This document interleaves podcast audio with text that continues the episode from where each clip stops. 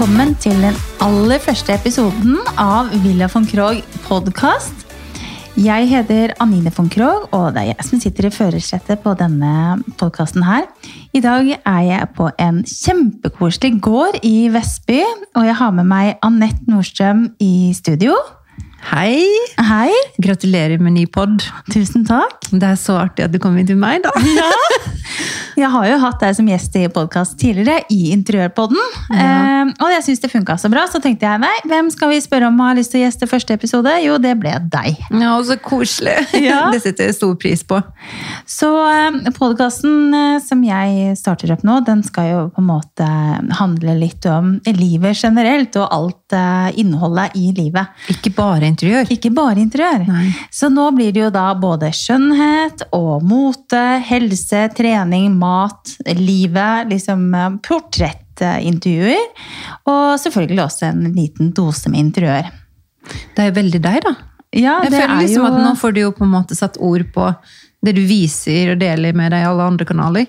Ja, og jeg ser da at eh, etter så mange år i gamet, da, så får jeg stadig så mye spørsmål om liksom, hvor er den fra, hvor er den fra, hva slags produkter bruker du? Og, Så tenkte jeg bare, nå skal jeg lage en liten podkast om alle de tingene som vi kvinner syns er gøy å holde på med. da. Så um, ja, det blir spennende. Veldig spennende. Men eh, nå sa jeg at vi- jeg hadde med deg i studio. Det er jo ikke akkurat studio, vi sitter i spisestuen til Anette. Ja, vi sitter her og koser oss. Vi har koset oss med litt lunsj. Ja, Og det er jo sommer. det er sommer. Så i dag så skal vi rett og slett vi skal innom da litt om deg, Anette. Eh, hva du jobber med, utdannelsen din. Du er jo en veldig kreativ eh, sjel. Vi skal snakke litt om hår. Og sommermakeup og jobb, og hva som står på ønskelisten. Ja, Ja. Så jeg tenker det, nå er vi jo på Nordre Tom eh, gård i Vestby. Her har jo du bodd en eh, god stund. Jeg har jo vært her, det er seks år siden jeg var her sist, faktisk. Mm. Altfor lenge siden. Ja. Herregud. på fotoshoot med yngste datteren min. Da var hun bare noen eh, Ja, hvor gammel var hun da? Hun var bare noen måneder gammel. Ja, hun var, ja, hun var bitte liten, og det var så koselig, for vi hadde juleshoot. Vi hadde Ja. dekorert til jul i studio. Mm. Og hun var så søt! Hun var jo lille bolla av Marikken, hun da, vet du. God rund. Det ble en veldig fin reportasje. Ja, den ble veldig fin. Blå jul, husker jeg. I et av interiørmagasinene.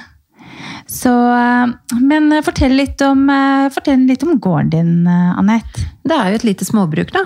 Ja. Um, lite småbruk. Altså, det er 250 mål med skau og jorder. men, og det kanskje noen syns er stort, men i forhold til andre gårder så er det ganske lite. Ehm, så jeg driver jeg er registrert bonde, av alle ting.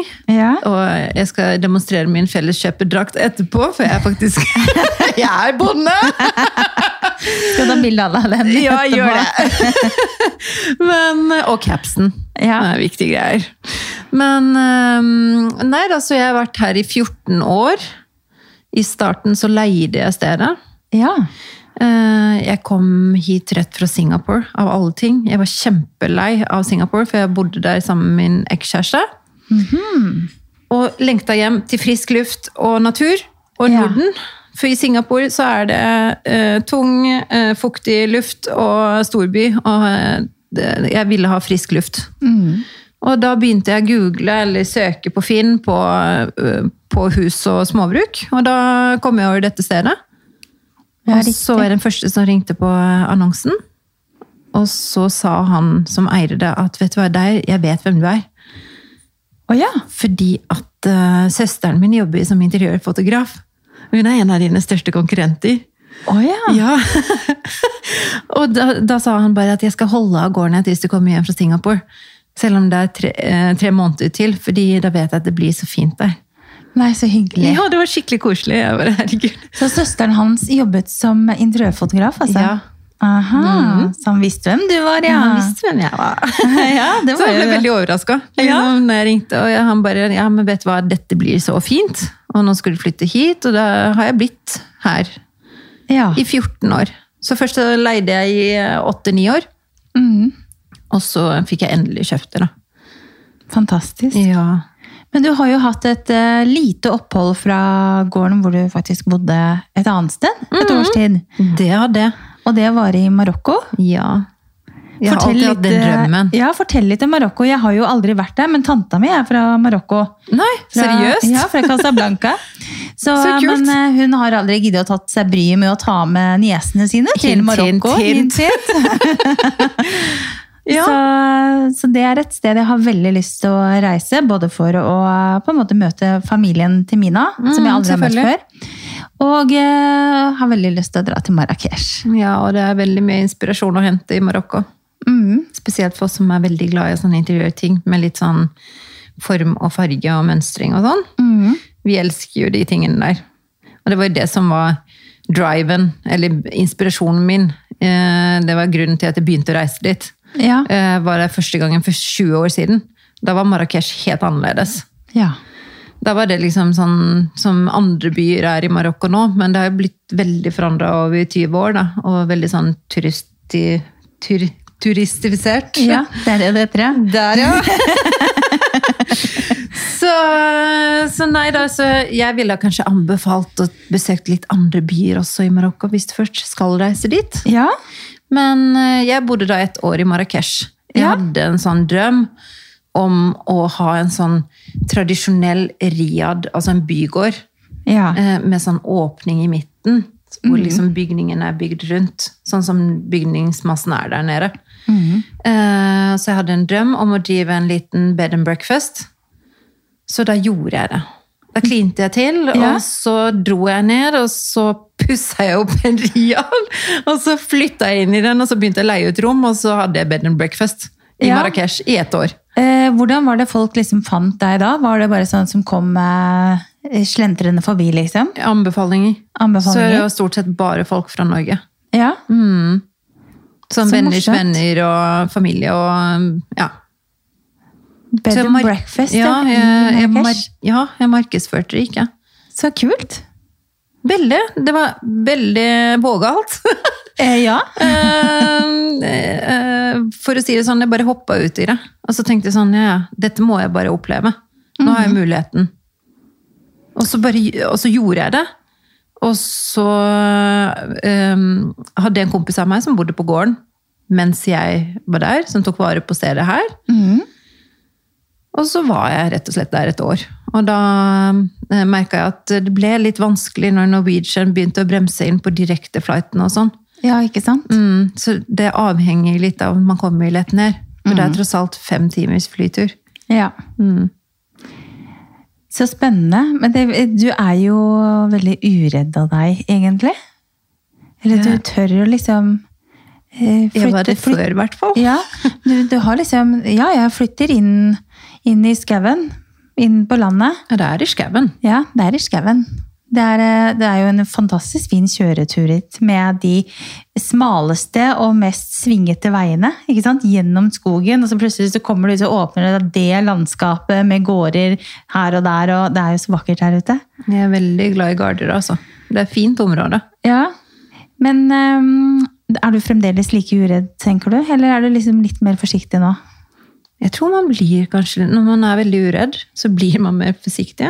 Ja, Kanskje med alderen. Jeg vet ikke, kanskje- jeg har i hvert fall blitt det. ja man blir litt mer satt, kanskje. Ja. Komfortabel med ting. Kjedelig. Kjedelig? Nei, du er ikke kjedelig. Nei, kjedelig. Nei. Får ikke lov å bli det. Nei, det får ikke lov å bli kjedelig. Nei, men man kanskje blir litt sånn eh, Man blir voksen. Ja, Ja, det er lov å bli voksen. det er lov å bli voksen. Det er egentlig veldig deilig òg. Det er mye bedre å være liksom 30-40-årene enn å være i starten av 20-årene, syns jeg. Ja, det syns jeg også. Men man merker jo at energinivået, liksom den vågale biten, er litt annerledes, da. Ja.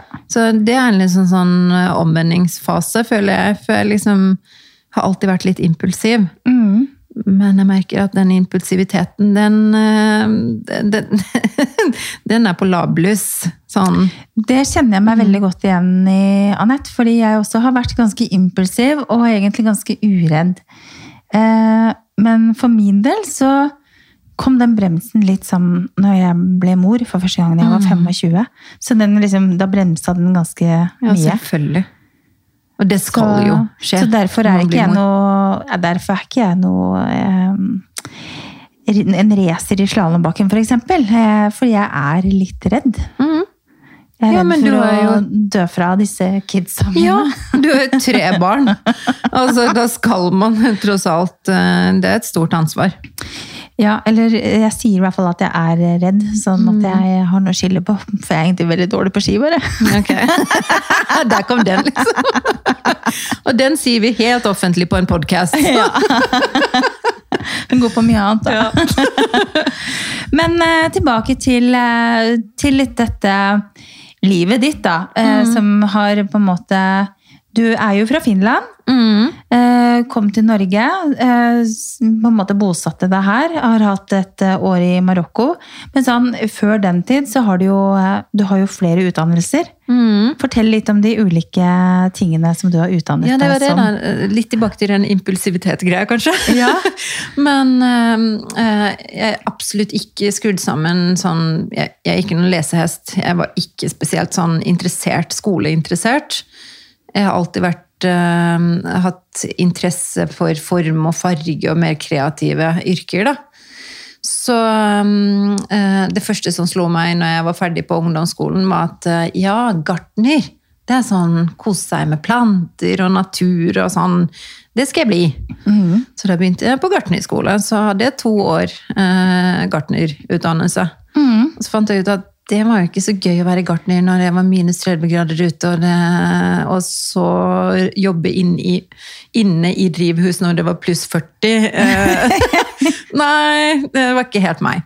Så da flytta jeg til Norge, og så begynte jeg på frisør. Ja. For det var jo også kreativt og farge og liksom form. Mm. Mm. Så da tok jeg svennebrev som frisør. Ja. Og så jobba jeg på Adam og Eva og på Perry frisører.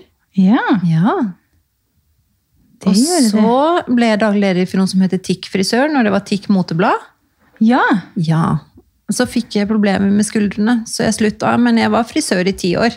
Ja, ok, så lenge, ja. Mm. Riktig. Og da fant du ut at da skulle du starte med interiør.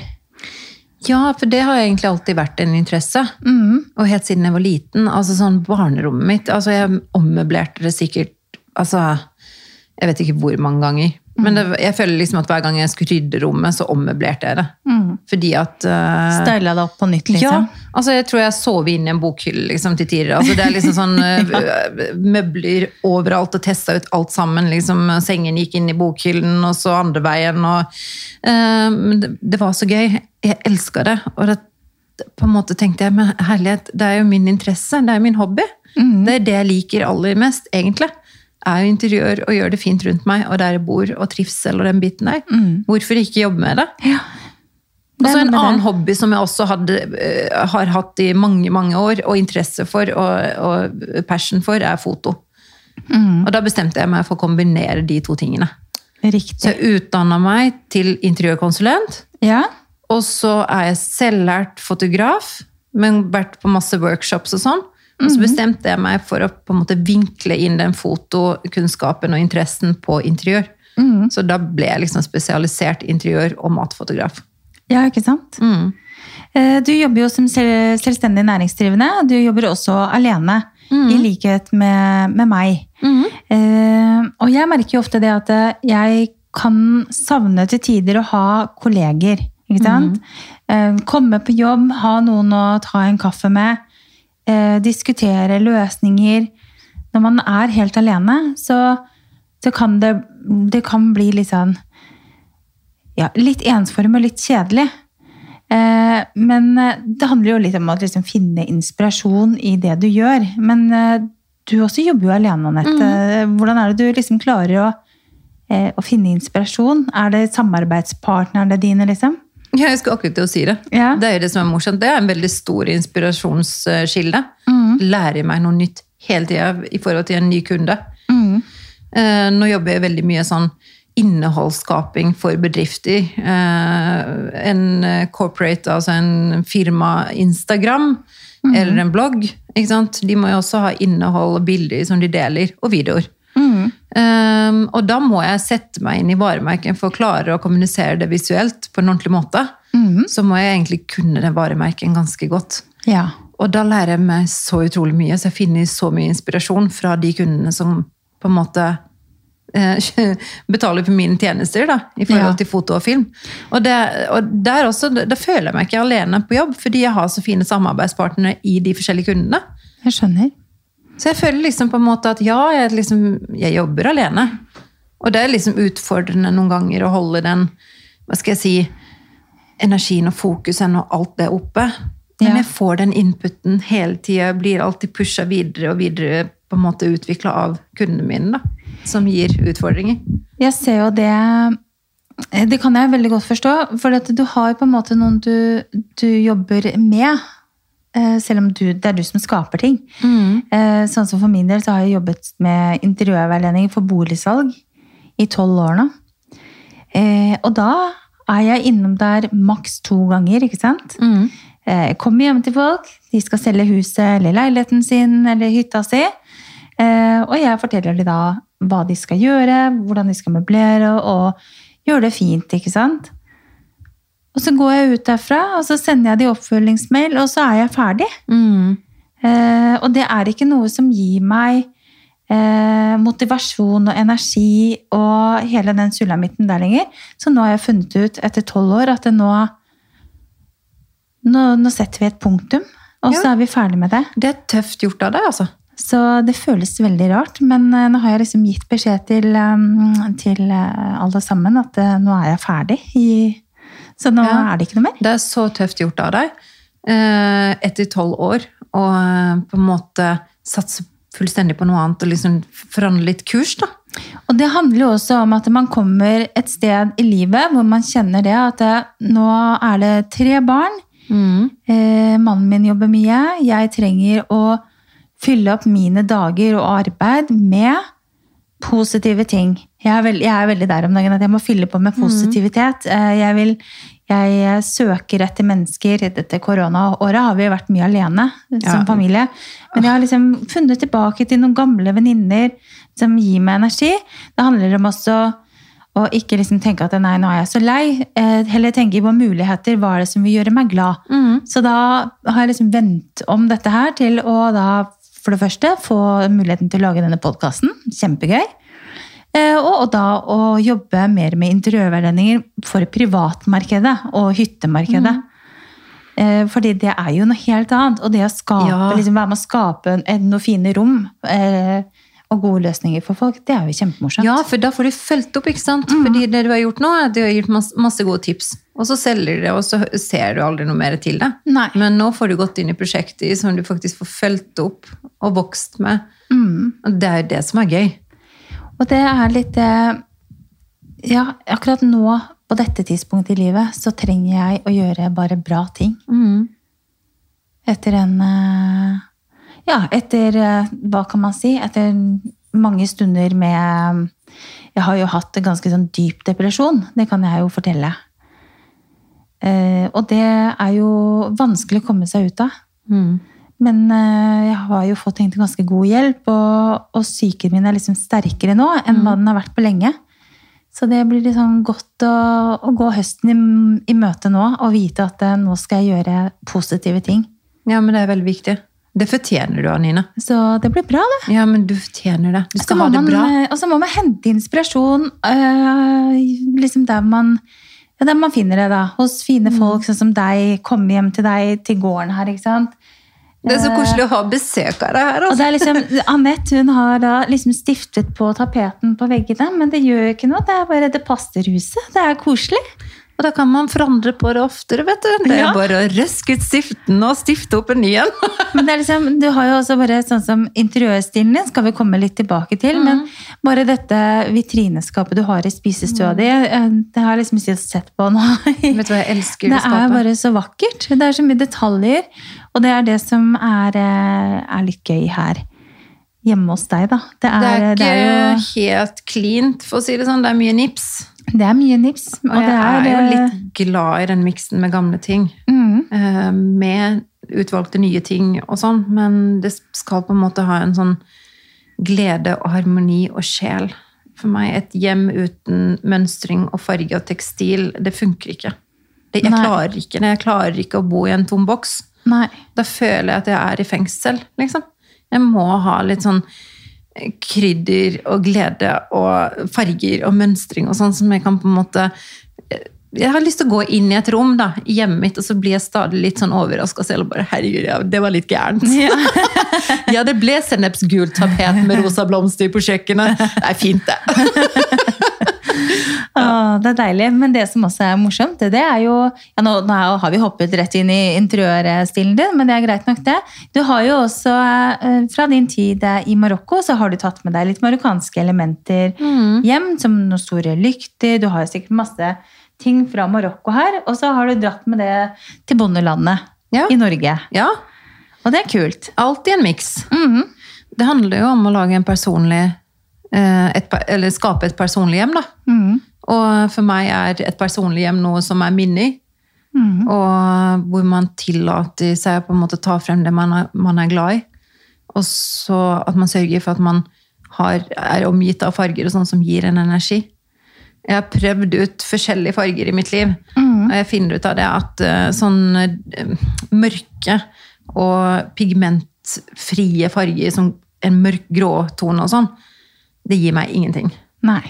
Jeg må liksom ha noe som er litt sånn Gjerne litt lyse pasteller og litt sånn en liten snert. Det kan gjerne være litt sånn syregult plutselig på et eller annet, eller ikke sant, som vi sa i stad, en rosa blomst på en tapet, og jeg liker liksom at det skjer noe. Det, det må være litt sånn glede. Og det passer i et gammelt gårdshus, da. Det gjør det. Veldig. Det er ikke kanskje en, for en funkisvilla, men akkurat Det funker jo for det òg, men, Ja, ja. men akkurat den mest blomstrete tapeten og sånn, så tenker jeg sånn at det er- passer i et 1800-talls gårdshus som det her er. Mm, det gjør det.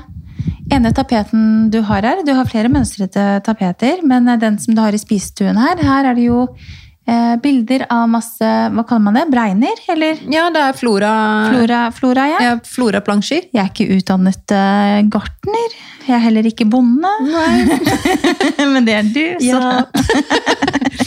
Så Det er det her det er det på en måte eh, flora og fauna, holdt jeg på å si. Flora og Eh, fauna, ja. ja. Her er det eh, bilder av alle planter, eller planter, nordiske planter, da. Ja.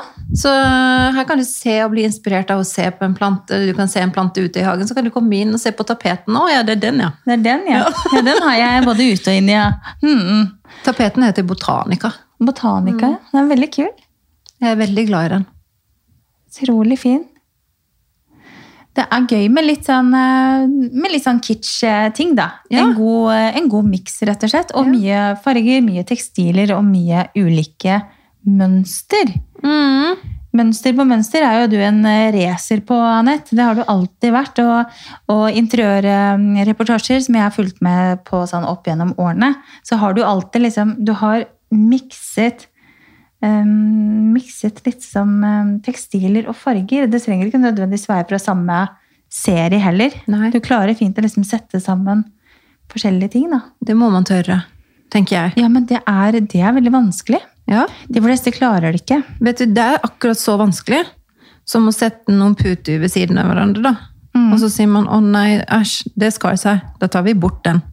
Oi. Og så setter du inn en annen en istedenfor. Og så fun funka det. Ja. Ja. Det er bare å prøve seg frem og se, da, og se hva man liker. ja. Så det er liksom klar tale. Prøv, se hva du liker, og go for it. Ja. Enkelt og greit. Nå skal vi da rett og slett, siden Anette er frisør, vi skal hoppe over til hår! Ja, for nå er det sommer, og da blir jo håret eh, utsatt for litt sånn mareritt-hårting. Ja. Saltvann, sol, alt det som er litt sånn fy-fy, som gjør at vi får veldig solbleka, crispy, tørre hår. ja jeg syns at mitt hår liksom står nærmest eh, sånn, sånn rett ut fra hodet hele tiden.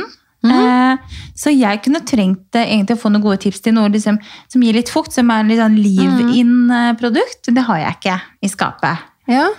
Eh, så nå Jeg har noen sånne rutiner, for jeg har veldig sånn veldig tynt, Ja. nordisk, crispy, dårlig, altså dårlig hår, rett og slett. ja. Så jeg har funnet ut av alt som på en måte gir maks, og som gjør at jeg kan bygge opp håret mitt, og eh, så er jeg veldig flink til å jukse, Ja. og få litt volum på det.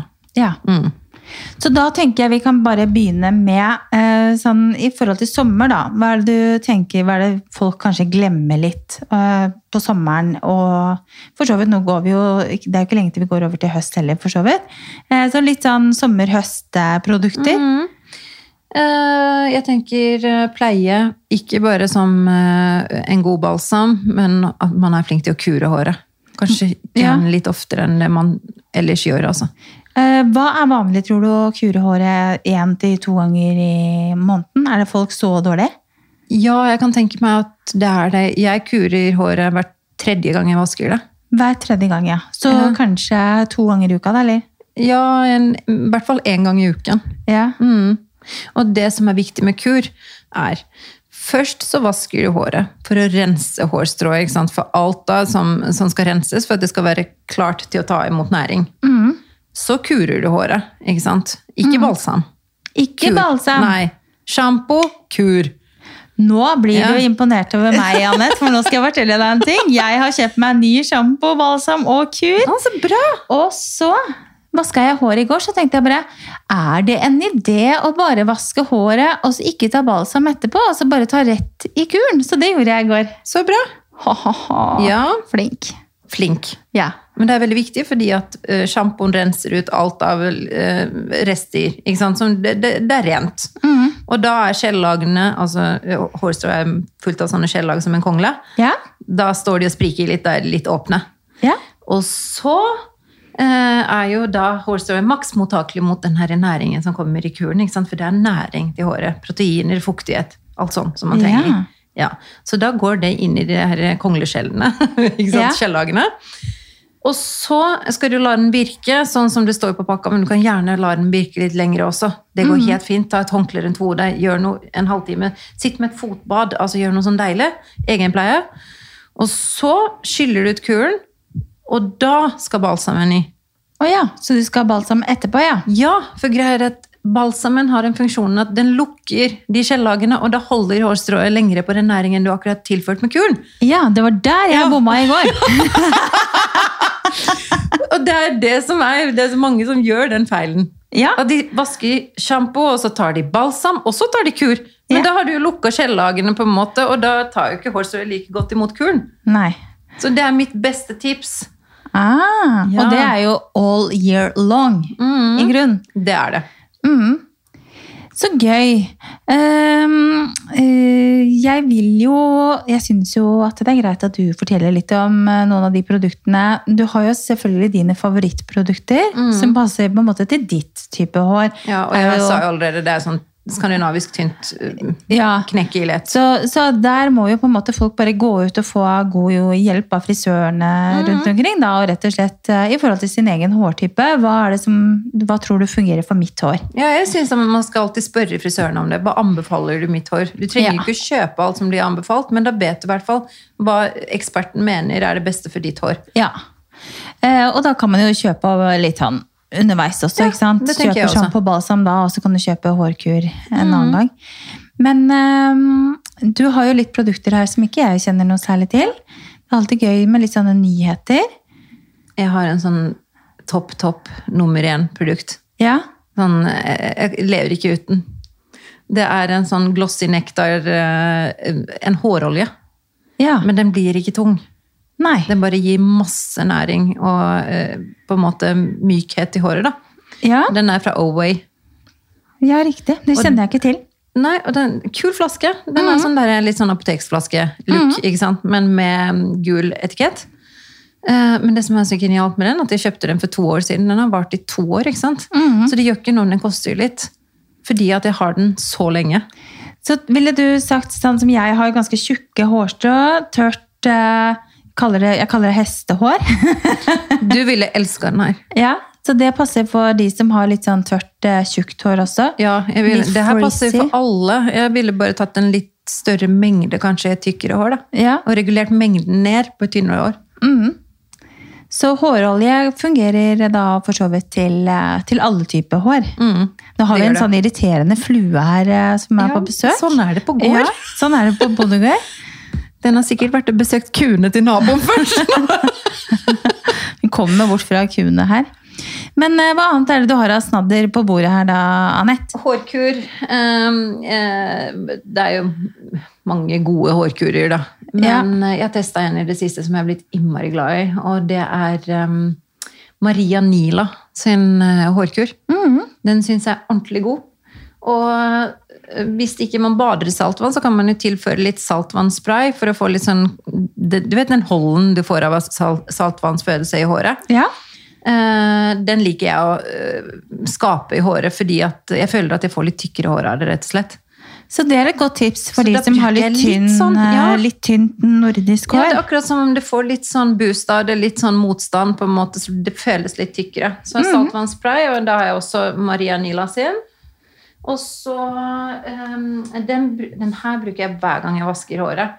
Eh, en proteinspray. Ja. Fordi at eh, håret trenger spenst. Proteiner er spenst. ja. Fuktighet er mykhet. Ikke sant? Så det Ja. trenger begge deler. Og da sprayer jeg alltid inn proteinspray i håret først, før jeg tar i den nektaren som jeg snakka om først. Ja, håroljen. Mm. Så de to er liksom sånn fast rutine alltid. Jeg ser jo det når jeg eksempel er hos frisøren, eh, så kan jeg liksom gå ut fra frisøren, og så kjennes håret mitt så mykt og deilig ut, sånn som eh, det kjennes nesten ikke ut som mitt eget hår. Er det da fordi at de kanskje bruker noen sanne produkter? Jeg kan nok tenke meg at de bruker det som er deres favorittprodukter i forhold til din type hår. Da, ikke sant? Da burde dere solgt de til meg. Ja, det mener jeg òg. um, ja, De har kanskje prøvd, da, så jeg har sett nei. kanskje du skal lytte litt mer til frisøren din. Kanskje det er, det er kanskje det er der det ligger, faktisk. Uh, ja, men det var jo, uh, det var jo ganske nyttig. Mhm. Ja, nå som det er sommer, så er det jo også kanskje viktig også å beskytte håret litt eh, med noe faktor. Ja, jeg beskytter med skaut. Med skaut, ja. Mm, jeg gjør det. ja. Jeg føler liksom ikke at det er gode nok eh, solfaktorer for, for hår. Nei. Så jeg tar rett og slett et skaut rundt hodet, og så går jeg med det, eller caps eller en hatt, solhatt eller noe sånt. Mm.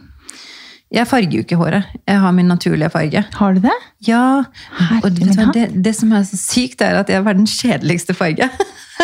Du vet den derre uh, kommunegrå, leverposteibrune greia. Det er liksom meg. Og så tenker jeg sånn, alle som har den, farger den bort. Ja. Da skal jeg ha den. ja, for da har du noe, noe som ikke noen andre har. Ingen andre har den! Og ingen vil ha den! Men jeg har faktisk blitt litt sånn glad i min kommune-leverposteifarge. Ja, du kler den veldig godt. Takk. Bra. Du er jo ikke grå. Jeg er blitt så grå, jeg. Nå vet du hva, jeg har noen små grå oppi der. Ja, jeg har, veldig, jeg har ca. halvparten grått jeg nå, så det er fint. Jeg begynte når jeg var 25. Ah. Så, men det er greit, det. Jeg ser ingen grå der nå. Jeg har smilehull, da. Ja. Men du har veldig fin farge på håret, så eh, du kler den. Ja da. Det, det får bare være som det er. Jeg har da valgt å ikke farge håret, og så vil jeg heller ikke at det skal bli solbleka og tørt. Nei. Så da pakker jeg det inn. Ja, Gjør det, altså. Lage turban. Turban, det er så deilig å gå i turban. Er det det? Ja, Aldri prøvd. ja gjør det. Da skal vi prøve det, folkens. Eh, Da har vi vært igjennom eh, bitte lite grann, men vi kan jo ikke komme unna om at eh, du er bonde, og her på Nordre Tom gård så dyrkes det. Ja, det dyrkes. Ja. Det er mye rart i dag. Alt fra hårtips til bondelaget, liksom. Til dirt, liksom. Ja. Ja, jeg dyrker Jeg bruker hagen min som terapi, faktisk. Mm. Jeg syns det er utrolig deilig. Økologisk dyrking. Jeg har Ja. en kjøkkenhage. Ja. Uh, hvor jeg rett og slett sørger for å dyrke alt det jeg samler i butikken. ja. Og litt vanlige ting også, men liksom sånn urter og uh, kåltyper og sånn som ikke jeg får tak i i vanlig butikk. Så gøy. Jeg planta en ny kål i år som heter palmekål. Jeg er veldig spent på den. Ja. Den skal bli sånn veldig svær og grønn og palmete. Det blir Herlig. gøy. Ja. Ja, det er, jeg skjønner jo at det, er, at det er morsomt. Du bor jo et stykke eh, unna kjøpesentrene, så liksom, eh, du må jo finne på noe her ute på bondelandet. ja, det er det. da. Det er så tilfredsstillende å bare gå ut og plukke med seg ting rett fra hagen og så lage mat. Lage mat i kjøkkenhagen. Jeg har gjort det sammen med fru Timian Ja, i, i fjor sommer. det husker jeg faktisk. Ja, det, det var så gøy. Bare plukke med seg alt det man fant i kjøkkenhagen, og så lage sånne deilige, lekre salater og alt vi lagde. Men det er jo utrolig Jeg kan skjønne at det liksom er avslappende og veldig sånn koselig å gå og liksom stelle med det. Um, Og det er meriterende. Ja, det er å plukke ugress og luke. Jeg elsker det. Jeg syns det er helt Ja. nydelig. Fordi jeg, jeg sa jo til deg i stad at jeg har begynt uh, litt med med å meditere. Og, og på en måte prøver å lære meg det, da. ikke sant? Og prøve å klare å puste og alt det her. Uh, det, det, handler, det handler jo litt om at man må gjøre ting som er bra for seg selv. Og for eksempel hvis man er glad i å gå og dyrke, da, så er jo det, det er jo bare koselig. Gå Ja. ute i naturen. Ja, høre på alle lydene. Bare stille og rolig. Jeg forsvinner inn i en annen modus. Mm. Da blir alt annet borte, liksom. Men det er har- meg og Tutsi, liksom. Vi Ja. eh, tusler rundt og koser oss. Men jeg ser det at det, det kommer mer og mer på Instagram. Kjøkkenhager. Det, jeg tror det liksom er litt i vinden nå også. Ja, veldig. Litt det å finne litt tilbake til, til roen, da. Ja. Og, og gjøre ting som gjør, gjør en selv godt. Det er tilfredsstillende å se noe vokse frem, som man har fulgt opp hele veien. Og så er det noen utfordringer på veien, da. Det kan komme brunsnegle som spiser opp de kålplantene dine, da. Ja. Og det kan komme noe annet også av eh, insekter Mm. ikke sant, som ødelegger. Men, men det å liksom finne he, ut av hele det ekosystemet og sånn, hvordan det skal funke og få frem de fineste plantene, liksom. Det, det er deilig, og så er det ureist, da. Mm. Jeg vet jo at det er økologisk fordi at jeg eh, produserer mitt eget gjødsel. Og sørger for at alt er helt rent. Mm. Men fullstendig ureist. Plukker rett derfra rett opp i stekepanna, liksom. Deilig. Det er ganske godt. Blir ikke noe bedre enn det. Nei, blir ikke det. Så bra. Eh, fra dyrking og ugress og brunsnegler så kan vi hoppe litt over til noe som er noe helt annet, og det er rett og slett sommermakeup. Ja. Hva er din typiske sommermakeup? Min typiske sommermakeup er ingenting. Ingenting. Ferdig! Takk for i dag! Det var mine tips. Ha det bra. Jeg er ikke makeupartist. For å si det sånn, man har jo noen sånne produkter som man sveiper innom, da. Ja. Men jeg må helt ærlig innrømme det at jeg syns en god solkrem Ja. og det å liksom få lov å være litt all natural Ja. er ganske deilig på sommeren. ja. Liksom Få den der gylne, fine brunfargen og liksom dyrke litt det rene, da. Det er veldig deilig. Jeg også er veldig glad i det. Eh, Mine typiske sommerprodukter, det er egentlig bare solpudder. Mm. Og så har jeg blitt en sånn highlight-fan. Ja. Så jeg har ja. highlighter i, i alle mulige varianter. I flytende, i eh, stikker, selvfølgelig i pudderform. Ja. Eh, Men jeg, jeg elsker Hva syns du funker best av de? Eh, Jeg syns egentlig at det Stix er ganske greit. Det bare blender de Jeg bruker jo ikke så mye koster og svamper og sånn. Jeg blender de bare ut med hånda. Eh, Eller så syns jeg også de i pudderform er enkle, fordi de blender fint Ja. inn i huden. For jeg har brukt pudder, men jeg har ikke brukt den stikken. Jeg tror jeg skal prøve det. Stikken eh, syns jeg fungerer veldig godt. Eh, Nå kjøpte jeg også en, eh, en Eller jeg har to sånne flytende. Ja. Eh, De er ikke så lett å få til å flyte flyte sånn på kinnbena, eksempel. Så ser du liksom veldig godt streken, syns jeg. Ja, okay. Så jeg syns ikke de er så lette, men de er fine for eksempel å bruke Bare ta en dash og ta i body lotion, da. Ja, ikke sant? Ikke sant? Å, herregud, det er jo helt genialt. For jeg Så- elsker jo sånn type body lotion-greie med shimmy. Mhm. Eh, det er et sånn sol-skjønnhetsprodukt for meg. Liksom, når du er litt sånn ikke sant, om kvelden etter at du har solt deg, så har du tatt på en aftersun, mm. og så smører du litt sånn skimmer over kroppen. I tillegg så er du litt brun, og så glitrer du litt. Og sånn, Ja. herregud, det er fresht. Ja, det er veldig fint, for jeg pleide alltid i mine yngre dager eh, å kjøpe meg, eh, kjøpe meg aftersun, eh, gjerne med litt skimmer. Ja. Men jeg har ikke funnet det egentlig de siste årene, så nå tenkte jeg nå skal jeg bare bruke den der highlighten i body lotion eller aftersun. ja, men det er jo helt genialt. Så det er et veldig godt Men tips. Det er et supertips. Men, Hei, Tutsi. Ja, Tutsi her òg? Ja, Tutsi kom. Ja. Jeg dro på fanget. Så jeg syns sommersminke liksom bare litt solpudder, highlight og maskara og eyeliner. Så er det greit. Ja, for jeg tenker sånn, Maskaraen er liksom den på en måte viktigste mm. eh, make, det viktigste makeup-produktet. Men man ser, man ser jo fort, hvis man bruker annen sminke og ikke bruker maskara, da ser man fort litt sånn naken ut. ja, det er akkurat det. Eh. Så maskaraen, den, eh, den er alltid med. Maskaraen er alltid Og med. så har jeg blitt veldig glad i ett produkt fra Jan Thomas, faktisk. Jeg må faktisk si det, at den har jeg blitt litt sånn avhengig av. Ja? Og det er en, en eh, sånn øyebrynsmaskara. altså den, eh, det er en helt fargeløs maskara. Ja? Men du koster den på øyenbrynene, og så legger du liksom bryna Du forsegler liksom sånn som du vil ha de. Ja. Hvis du vil at de skal se liksom bustet ut, la oss si det, liksom. Mhm. Men de holder jo seg aldri sånn, hvis ikke du forsegler det sånn, på en måte. Mhm. Men den på en måte, det er akkurat som det er gelé for øyenbryn, på en måte. Ah, Den er Helt genial. Ja. Ja, så den, den er litt sånn ny sånn favoritt. Ny favoritt, ja. Så gøy. Um, fra sommersminke til eh, en annen ting. Jeg må jo bare gratulere deg med hele tre cover på interiørmagasiner nå i mai-juni. Juni? Ja. Ja. Tusen takk. Å, det var så gøy.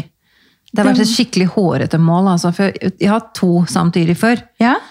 Men uh, jeg tenkte sånn, når jeg hadde to, så tenkte jeg sånn, ja, neste må jeg være tre samtidig. Mm. Men man vet jo aldri om man får cover på en sak. da. Det er Nei. på en måte redaktøren og magasinet og redaksjonen som bestemmer det. Mm. Men jeg nådde det målet nå, da. Og det var jo kjempegøy. De er jo så fine. Det er da på Interiørmagasinet, Boligdrøm og på mm. Maison. Maison, Mm. ja. Tre helt ulike Tre helt ulike hjem. mm, Mm. Veldig flott. Veldig gøy. Når man, først, når man jobber som spesialisert interiørfotograf, og, sånn, så er jo det på en måte prikken over i-en og målet. Er du gæren? Og det som også er gøy, er at du, dette her gjør du selv. Du tar jo bilder og styler og redigerer og gjør, og gjør jo alt selv. Ja. Så det er liksom helt og holdent dine, dine tre verk, det som ligger her. bare, bare Egil-band, liksom. Bare Bare, bare Anette-band. Bare Anette-band. Men du, Anette, jeg tenker vi skal snart runde av. Men Ja. før vi gjør det, så skal vi ha den faste spalten på ønskelisten. Ja, Og gi!